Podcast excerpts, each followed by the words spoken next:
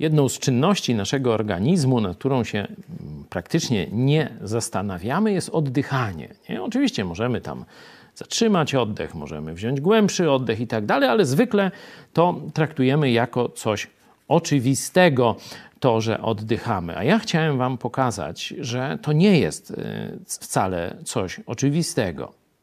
Oczywiście ci, którzy chorują, czy na COVID, tam są poważne problemy z oddychaniem, czy na inne jakieś schorzenia płuc czy dróg oddechowych, wiedzą, że niekiedy każdy kolejny oddech to jest wysiłek. Wielu Polaków jest dzisiaj pod respiratorami, gdzie już nie mogli sami oddychać, i teraz maszyna ich wspomaga.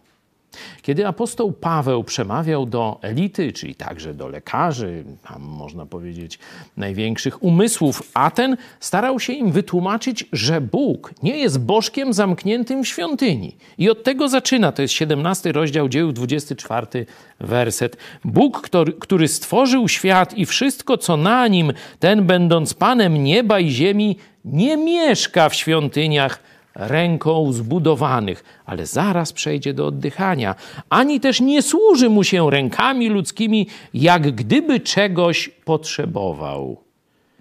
I teraz prawda o Bogu.